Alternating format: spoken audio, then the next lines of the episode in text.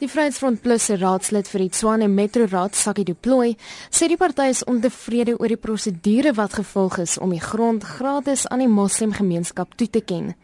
Volgens hom word daar reeds vanaf 2013 deur verskeie organisasies, onder andere 'n Methodiste kerk, aansoek gedien vir die grond. Die stadsraad het om verskillende redes dit geweier. En toe na die einde van 2013 het die gemeenskap skielik verneem hierdie grond gaan nou geskenk word aan die moslimgemeenskap. In reaksie daarop het 2647 mense inwoners van Valhalla in 2 dae 'n petisie opgetrek en gesê maar ons is nie tevrede daarmee nie. Ons is nie gehoor nie, ons is nie geken nie. Sedert dit bekend geword het dat die grond aan die moslimgemeenskap geskenk sal word, is daar beswaar gemaak vanaf Desember 2013. In Augustus 2014 is 'n openbare belange vergadering gehou.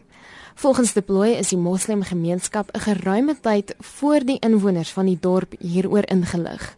En terwyl die regulasies sê dat minstens 10 dae voor die tyd moet in die openbaar gepubliseer word dat so 'n vergadering gaan plaasvind, dit is vir ons verdag, dit is vir ons onregverdig want toe die vergadering plaasvind op 21 Augustus 2014, die dag daar 'n massa mense van die moslimgemeenskap op 'n handjievol in Alala het hulle kort tyd kennis gekry daarvan.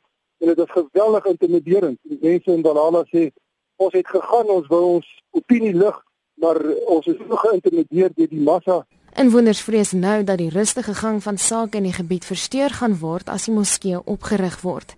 Van die bekommernisse is 'n toevloeiende verkeer, gebedsroepe wat 3 maal 'n dag sal plaasvind en dat die gebied toenemend moslimgemeenskappe gaan huisves.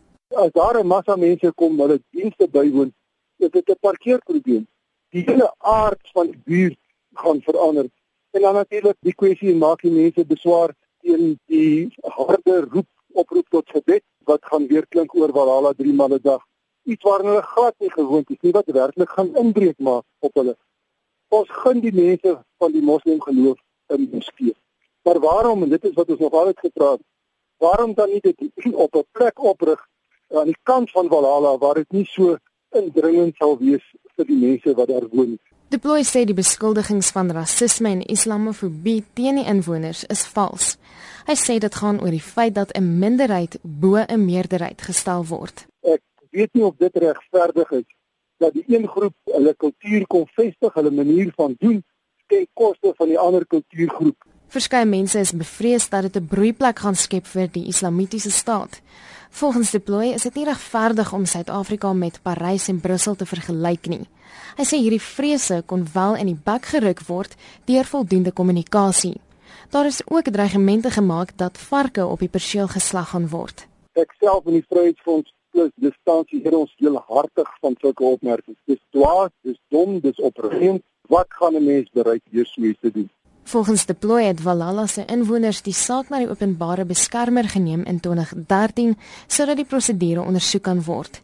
Die ondersoek is nog nie afgehandel nie.